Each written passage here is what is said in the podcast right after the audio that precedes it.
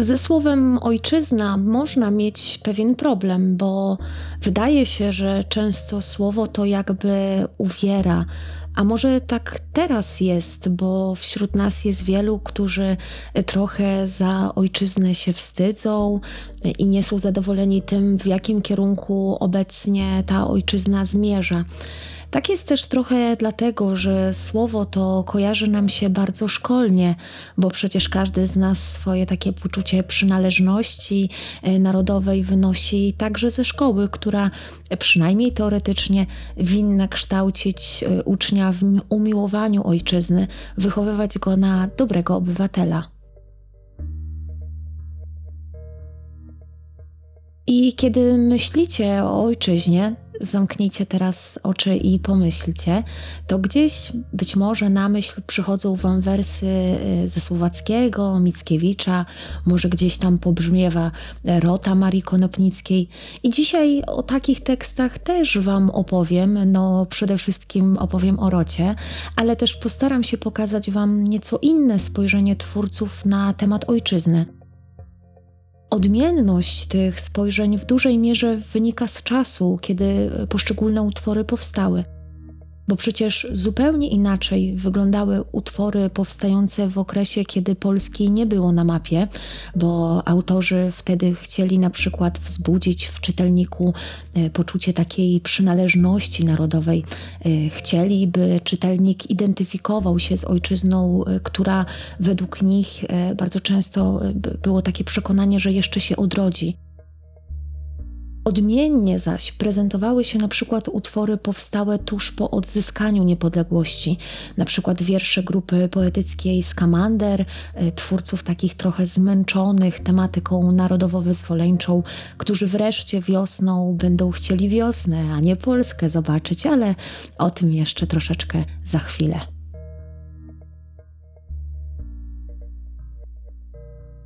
Ale zacznijmy od jednego z moich ulubionych szkolnych tekstów, od kazań sejmowych e, Piotra Skargi. E, kazania e, zostały wydane drukiem w 1597 roku, ale nigdy nie zostały wygłoszone.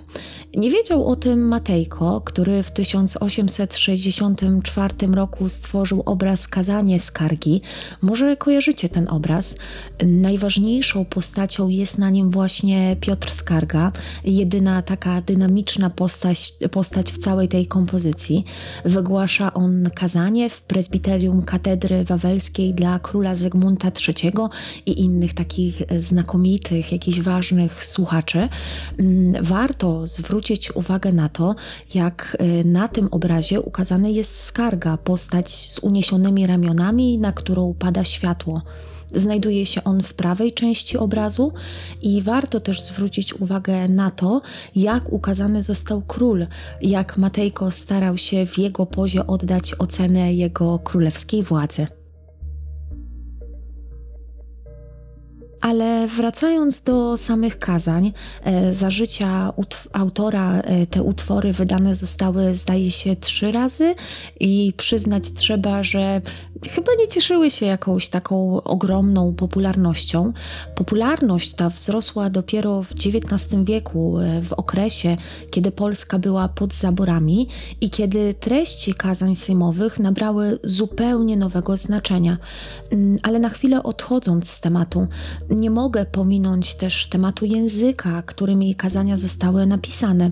E, polecam Wam serdecznie e, kazania, bo to znakomity przykład nie tylko świadczący o fantastycznej umiejętności skargi we władaniu polszczyzną, ale przede wszystkim jest to też dowód ogromnej e, takiej świadomości retorycznej, takiej umiejętności kompozycji wypowiedzi. Kazania są, tak najogólniej mówiąc, diagnozą współczesnej autorowi ojczyzny. Mówiłam już o znaczeniu kazań w XIX wieku. E, z perspektywy późniejszych czytelników mowy skargi były traktowane trochę jako pewnego rodzaju proroctwo. E, wielu uważało, że on pierwszy przestrzegał przed zwiększającymi się wpływami szlachty, ale też zwracał uwagę na wady tej warstwy społecznej, apelując jednocześnie do do niej, by zmieniła swoje postępowanie wobec ojczyzny. Chyba najbardziej znanym kazaniem w zbiorze jest kazanie drugie, w którym skarga przyrównuje ojczyznę do matki. Zastosowanie tej figury retorycznej ma wywołać określone reakcje u odbiorców. Bo nie godzi się przecież czynić e, krzywdę matce. Nasza kultura uczy nas raczej czcić matki, szanować je. W kazaniu trzecim na przykład skarga nazywa ojczyznę domem, a to skojarzenie także budzi bardzo sugestywne uczucia.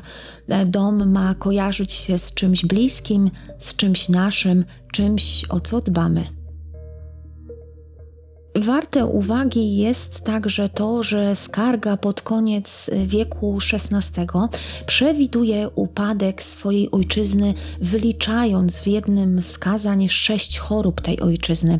Wśród nich e, jest taka choroba, która polega na nieżyczliwości ludzkiej i chciwości. E, kolejną chorobą są kłótnie sąsiedzkie, e, osłabienie władzy królewskiej, naruszenie religii katolickiej. No i z perspektywy czasu okaże się, że te jego takie napomnienia, one nie były bezzasadne, a przewidywania ostatecznie w pewnym sensie się zrealizowały. Renesansowym twórcą, któremu także bliski był temat ojczyzny, był oczywiście Jan Kochanowski. E, udowodnił to w pieśniach, choćby w pieśni o dobrej sławie, która jest właściwie takim utworem o przemijaniu. E, Kochanowski w tym utworze wskazuje, że ponieważ każdy człowiek i tak umrze, to za życia powinniśmy się troszczyć o tak zwaną dobrą sławę. Możecie teraz zapytać, Czymże jest ta dobra sława? Otóż e, według Kochanowskiego sławę tę można osiągnąć albo poprzez służbę publiczną, e, krzewienie dobrych obyczajów, albo poprzez walkę o wolność ojczyzny te działania, te dwie drogi podobają się Bogu, który przecież wyróżnił człowieka różnorodnymi talentami, które powinien właśnie ten człowiek wykorzystać. Niemniej cały utwór świadczy o tym, że sprawa ojczyzny była bliska sercu Kochanowskiego, że poeta sądził, że wartość człowieka określa to, jak bardzo w życiu może e, przysłużyć się swojej własnej ojczyźnie. Ale ja uwielbiam, tak w cudzysłowie, dotykać tematu ojczyzny z uczniami podczas omawiania innego utworu Jana Kochanowskiego. Chodzi mi o odprawę posłów greckich.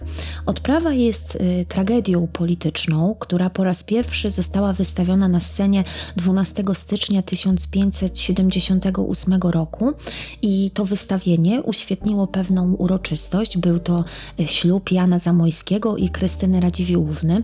I przez długie lata cały ten utwór interpretowano jako wezwanie do walki z Moskwą, choć dzisiaj wiemy, że jego przesłanie jest bardziej uniwersalne.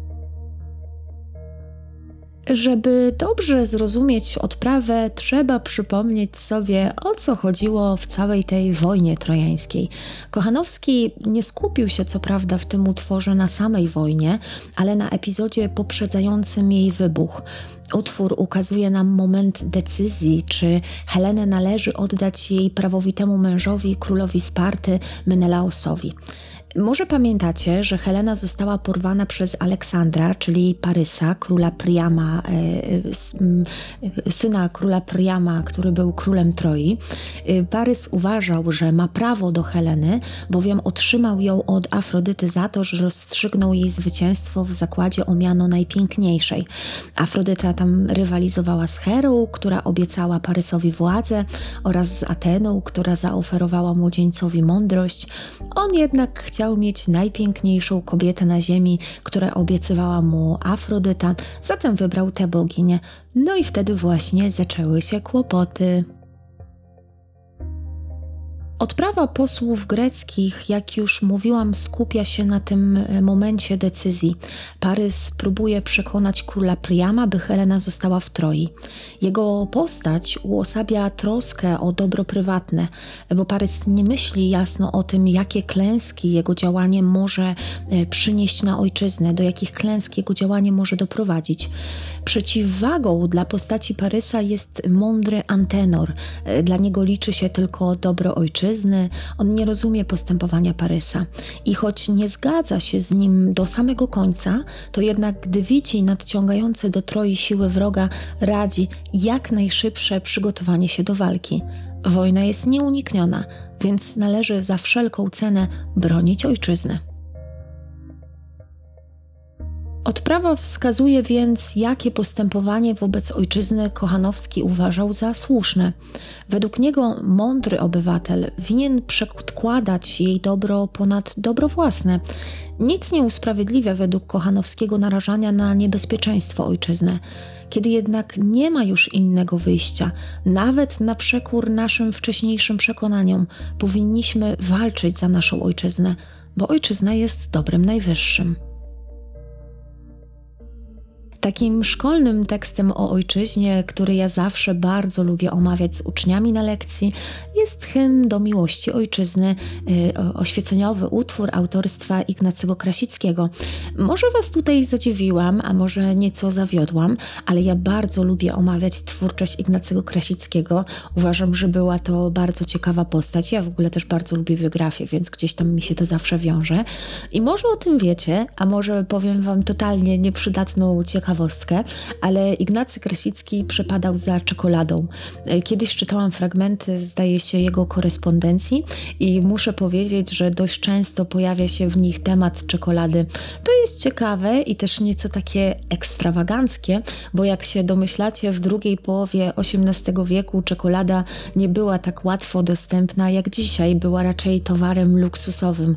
Krasicki sprowadzał ją z zagranicy i myślę, że była to taka dość kosztowna kosztowna przyjemność.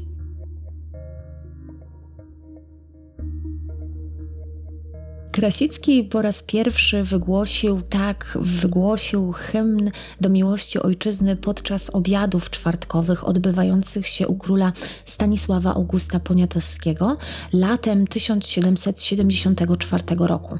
Właściwie to podczas tego spotkania Krasicki wygłosił poemat heroikomiczny o tytule Myszeida, tak przy okazji, opowiadający o wojnie kotów z myszami i fragmentem pieśni dziewiątej tego poematu był właśnie hymn do miłości ojczyzny. Utwór ten uważamy za właściwy debiut Krasickiego i rzec można, był to debiut dość udany.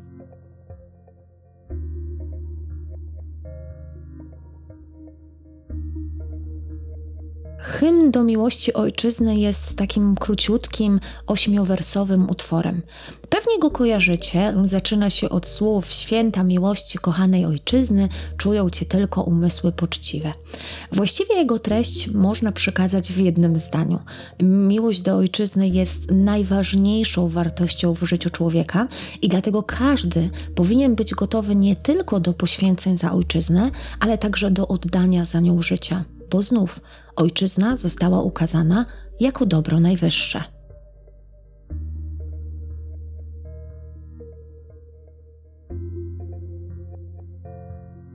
I pozwolę sobie tutaj na małą dygresję.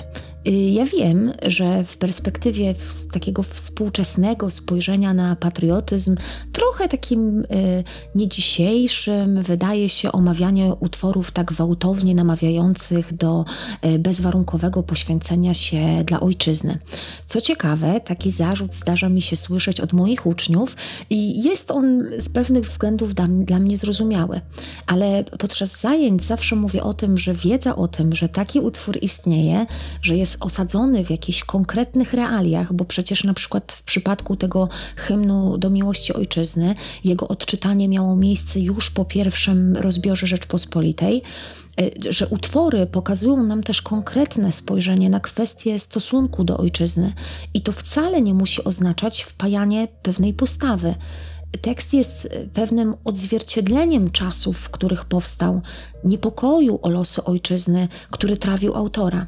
Moim zdaniem hymn jest zapowiedzią pewnego charakterystycznego spojrzenia na kwestie patriotyczne, które pojawi się w utworach kolejnej epoki romantyzmu.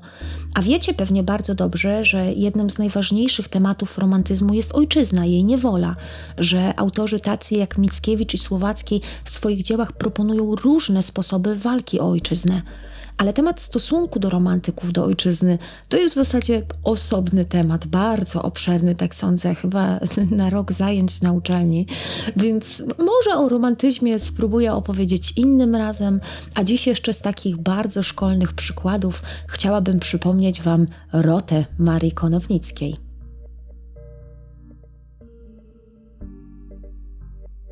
I na pewno wiecie, że niewiele brakowało, a Rota zostałaby hymnem Polski. W 1927 roku ostatecznie wybrany został Mazurek Dąbrowskiego, ale w konkursie o miano narodowego hymnu stanęło sześć utworów, wśród nich właśnie Mazurek i, i Rota. Rota miała swoich zwolenników, ale miała też kontrowersyjne fragmenty dotyczące naszego zachodniego sąsiada. Cóż tu dużo mówić, wyobraźcie sobie, że na przykład na oficjalnym, jak zostajemy w temacie mundialowym, meczu jakichś tam powiedzmy mistrzostw w piłce nożnej, gramy mecz z Niemcami, wywołane na murawę zostają dwie reprezentacje, następuje czas na hymny, a my śpiewamy nie będzie Niemiec pluł nam w twarz, ni dzieci nam Germanię. Myślę, że jakby no to pewnego rodzaju skandal dyplomatyczny miałby miejsce e, w tym, w tym przypadku.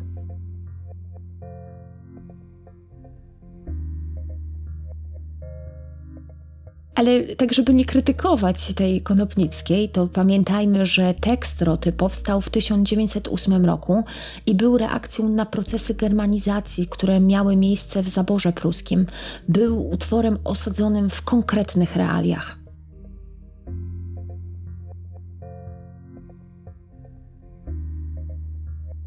Rota ma formę apelu, wypowiedzi zbiorowości identyfikującej się jako naród. Wyraźnie widać w tym utworze gotowość do poświęcenia się za ojczyznę, do walki o nią. Widać także opór wobec procesów mających na celu wyzbycie się narodowości, jej języka. Ojczyzna w tym utworze jest przede wszystkim wspólnotą ducha, taką wspólnotą symboliczną. Nie ma jej teraz na mapie, ale jest w sercach Polaków.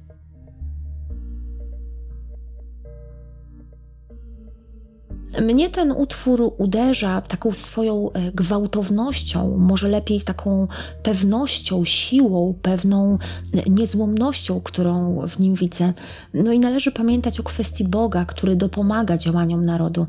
A jeszcze zawsze przypominam w przypadku tego utworu do, o odwołaniu do wesela Stanisława Wyspiańskiego, które znajdziemy w Rocie. Świadczy ono nie tylko o uznaniu przez Konopnicką wagi dzieła e, tego dramatopisarza, ale także o uniwersalności tego symbolu, bo użycie go w utworze świadczy o tym, że był to symbol rozpoznawalny przez ogół.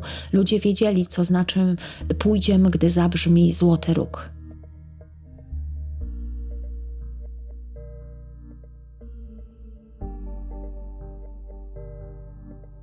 A teraz czas na utwory, które temat ojczyzny podejmują nieco inaczej niż te, o których mówiłam wcześniej. I zacznę od tekstu Jana Kasprowicza, tekstu, który wydaje mi się, że możecie nie znać.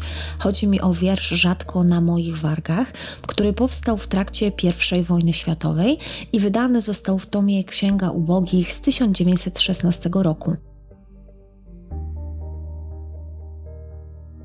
Bardzo prosty jest to utwór, składający się ze strof czterowersowych, ale nie o jego budowie będziemy mówili dzisiaj, ale o, e, o takim dość nieszkolnym ujęciu ojczyzny, który jest w tym utworze zawarte.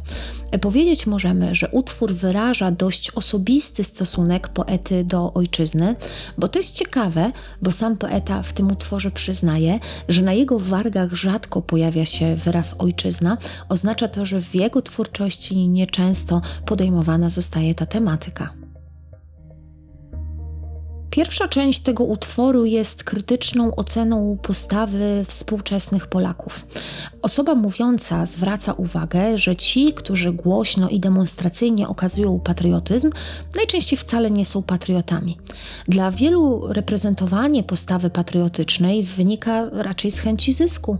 Patriotyzm wielu to tylko puste gesty, które nie mają oparcia w jakiejś, jakiejś szerszej rzeczywistości.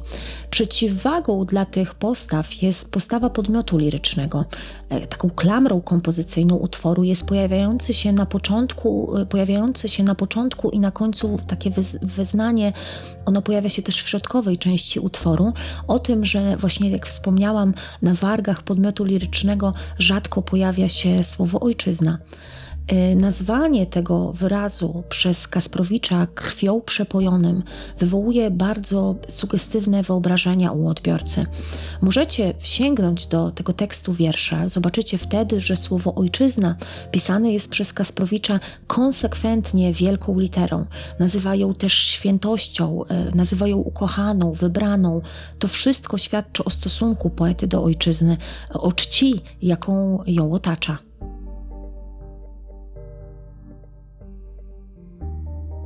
Warto pamiętać, że Kasprowicz to poeta młodopolski. Nie dziwi zatem, że dla niego ojczyzna to przede wszystkim natura, podbiały, łopiany i topole, ale też mogiły, w których zamknięta jest najświętsza nadzieja. Te mogiły symbolizują przeszłość, przeszłość pełną bólu. Umieszczenie ich w utworze niewątpliwie świadczy o szacunku osoby mówiącej wobec tej przeszłości, która zamknięta jest właśnie w grobie. Zestawienie w części kolejnej utworu scen ukazujących niedolę ojczyzny oraz ludzi ją zamieszkujących nie zmienia jego dość optymistycznej wymowy. Poeta widzi sens w opiewaniu swojej ojczyzny, ojczyzna będzie wiecznie żywa w jego pieśni. I muszę Wam powiedzieć, że piękny jest to utwór. Powiedziałabym, że on traktuje o patriotyzmie, patriotyzmie w takim wydaniu skromnym, takim e, indywidualnym bardzo. E, wydaje mi się, że on nawet dzisiaj może przemówić do tych z Was, którzy mają dość tego, że dziś każdy musi się ze wszystkim obnosić, że jak ktoś ma jakieś zdanie na jakiś temat, to musi je głośno wypowiedzieć. Bo wiersz Kasprowicza pokazuje coś, co w sumie wszyscy powinniśmy wiedzieć, że demonstrowanie pewnej postawy wcale nie świadczy o tym, że idące za tą postawą wartości są dla danej osoby ważne. I ostatnim utworem, o którym chciałabym dzisiaj powiedzieć, jest pewnie dość dobrze Wam znany utwór pod tytułem Herostrates Jana Lechonia. E, wspominałam go chyba już na początku, a, a może nie. No w każdym razie, według mnie ten utwór w sposób interesujący ukazuje ojczyznę i patriotyzm. Zacznijmy jednak od tego, że autor tego utworu, Jan Lechoń, był skamandrytą, czyli należał do jednej z najpopularniejszych grup poetyckich dwudziestolecia międzywojennego, czyli skamandra. Skamander to grupa poetycka, która działała właściwie przez całe dwudziestolecie międzywojenne. Swoją działalność rozpoczęła jeszcze w trakcie I wojny światowej i skupiała młodzież studiującą na Uniwersytecie Warszawskim, e, taką e, skupiającą młodzież skupioną, chciałam powiedzieć, ale taką, która koncentrowała się wokół czasopisma Pro Arte et Studio. E, w skład tych skamandrytów wchodzili Kazimierz Wierzyński, Julian Tuwim, Antoni Słonimski, Jarosław Iwaszkiewicz, i wspomniany już przeze mnie Jan Lechoń. Swoją nazwę grupa zaczerpnęła e, od jednego z wersów Akropolis Wyspiańskiego. Skamander to była rzeka opływająca Troje. Skamandryci nie mieli jednego wspólnie opracowanego programu, choć tworzona przez poszczególnych poetów poezja miała pewnego rodzaju elementy wspólne. Po pierwsze, skamandryci, tak w cudzysłowie, odcinali się od dotychczasowej poezji, od figury poety wieszcza. W swojej poezji opisywali zmieniający się świat, czyli inaczej mówiąc, rzeczywistość, którą, która ich otaczała. Chcieli zerwać z tematami narodowo-wyzwoleńczymi, bo przecież Polska odzyskała już niepodległość, można więc zrzucić z ramion płaszcz Konrada, jak napisał Słonimski w wierszu Czarna wiosna. I może zanim jeszcze przejdę do Herostratesa, to może kilka zdań o wierszu Słonimskiego, skoro już go tak tutaj wywołałam. I ten wiersz traktować możemy jako taki pewnego rodzaju manifest poetycki, deklarację twórczą młodego poety, bo odrzuca w tym wierszu on to, co przekazali mu w spadku twórcy poprzednich epok, no wiadomo, zwłaszcza romantyzmu. Słonimski pisze, że jego ojczyzna jest wolna, wolna i ma to swoje konsekwencje. E, poeta nie musi już tworzyć poezji tak, jak tworzyli poeci w okresie niewoli. E, poeta chciałby, by jego twórczość trafiła do szerokiego grona i już nie chce pisać po polsku. Chodzi tu przede wszystkim o poruszanie typowo polskiej tematyki, a po grecku, francusku czy turecku. Słonimski, którego możemy utożsamiać w tym wierszu z podmiotem lirycznym, czuje się obywatelem świata, a nie tylko Polski. Chciałby opiewać świat sobie współczesny, co widzimy w słowach słyszę w sapaniu lokomotyw rytm heksametru, w świstach kół gramotyw, co strofy pęd hamuje w pół. A teraz wróćmy do Herostratesa, tak na deser, na zakończenie tego mojego dzisiejszego podcastu. Jakbyście zastanawiali się, skąd ten dziwny tytuł, to zacznę od tego, że Herostrates był faktyczną postacią, która żyła e, w IV wieku przed naszą erą. Herostrates był greckim szewcem, który marzył o tym, by osiągnąć wieczną sławę. Uznał, że aby osiągnąć tę wieczną sławę, musi zrobić coś spektakularnego. E, pewnie teraz przychodzi Wam do głowy, nie wiem, stworzenie jakiegoś dzieła sztuki, które utrwaliłoby na przykład imię artysty na wieki. Nic z tych rzeczy. Herostrates postanowił podpalić Artemizjon, czyli budowlę uznawaną za jeden z siedmiu cudów świata, zbudowaną około 5, 560 e, roku przed naszą erą. Nie będę o tej budowli opowiadać. Ona została potem odbudowana, a potem zniszczona i dopiero, chyba jeżeli się nie mylę, w drugiej połowie XIX wieku odkryto jej położenie. W każdym razie Herostrates podpalił tę świątynię i za to skazano go na karę śmierci. Dodatkowo jego imię miało zostać wymazane ze wszystkich dokumentów. No jak widzicie, niezbyt się to udało, bo imię Herostratesa i jego historia przetrwały do dzisiaj. W wydanym w tomie karmazynowy poemat z 1920 roku Herostratesie Lechoń, podobnie jak Słonimski, podejmuje dyskusję z tradycją romantyczną. Pewnie kojarzycie najsłynniejszy cytat z tego wiersza, a wiosną niechaj wiosnę, nie Polskę zobaczę, ale ja chciałabym skupić się dzisiaj raczej na pierwszych jego strofach całego tego utworu, e, które w interesujący sposób ukazują ojczyznę. I wracając teraz do tytułu, co ma wspólnego typ, który spalił świątynię z wierszem, który traktuje trochę o Polsce, a trochę o nowym kierunku poezji? Otóż sam Lechoń czuje się jak przywołany przez niego grecki bo także coś niszczy. Niszczy dawny system wartości, dawny sposób ujmowania tematu ojczyzny, wreszcie niszczy tradycję dawnej poezji, przede wszystkim poezji romantycznej. Przede wszystkim Lechoń ukazuje ojczyznę w cierniowej koronie, cierpiącą. Od początku widać wyraźne nawiązanie do tradycji mesjanistycznej. Co jednak z tą tradycją chce zrobić Lechoń? Chce ją zniszczyć. Jednoznacznie pokazuje to wołając, by zwalić łazienki królewskie w Warszawie, by zabić ducha Kiliańskiego, uczestnika, właściwie to pułkownika podczas powstania kościuszkowskiego. Dlaczego chce to zrobić? By nie żyć tylko tematem polskim, by móc czerpać ze świata otaczającego.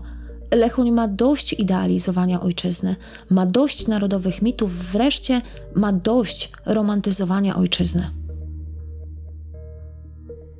Ale co ciekawe, w wierszu znajdziemy także odwołania do romantyzmu. Podobnie jak romantycy, Lechoń sięga po wzorce antyczne, nawiązuje też do twórczości Słowackiego i Mickiewicza. Pewnie bez trudu zauważyliście nawiązanie do wiersza słowackiego grup Agamemnona w strofie pierwszej. Podobnie jak Słowacki, Lechoń nazywa Polskę papugą. Chce w ten sposób podkreślić, że naśladuje obce wzorce. No i widzicie zatem, że temat ojczyzny może być ujmowany różnorako. Rzeczywiście, niekiedy mówi się o tej ojczyźnie poważnie, z takim patosem, e, nawołując do walki. Niekiedy jednak poeci, jak na przykład wspomniany na samym końcu Lechoń, wręcz sprzeciwiają się e, takiemu ujęciu ojczyzny, takiemu sztucznemu, powiedzmy, pompowaniu tego patriotyzmu, a ojczyźnie mówią bardzo często prosto, i też często, jak widać, kontrowersyjnie. I ja serdecznie dziękuję Wam za dzisiaj i dziękuję Wam za ogólną cierpliwość, bo ostatnio, no właśnie, nie jestem mistrzynią e, regularności, ale mam nadzieję, że jak tylko sytuacja e, u mnie się troszeczkę uspokoi, to będę mogła do Was wrócić z bardziej regularnymi materiałami, bo przyznam się szczerze, że troszeczkę za tym nagrywaniem się stęskniłam. Dziękuję Wam za dzisiaj i do usłyszenia.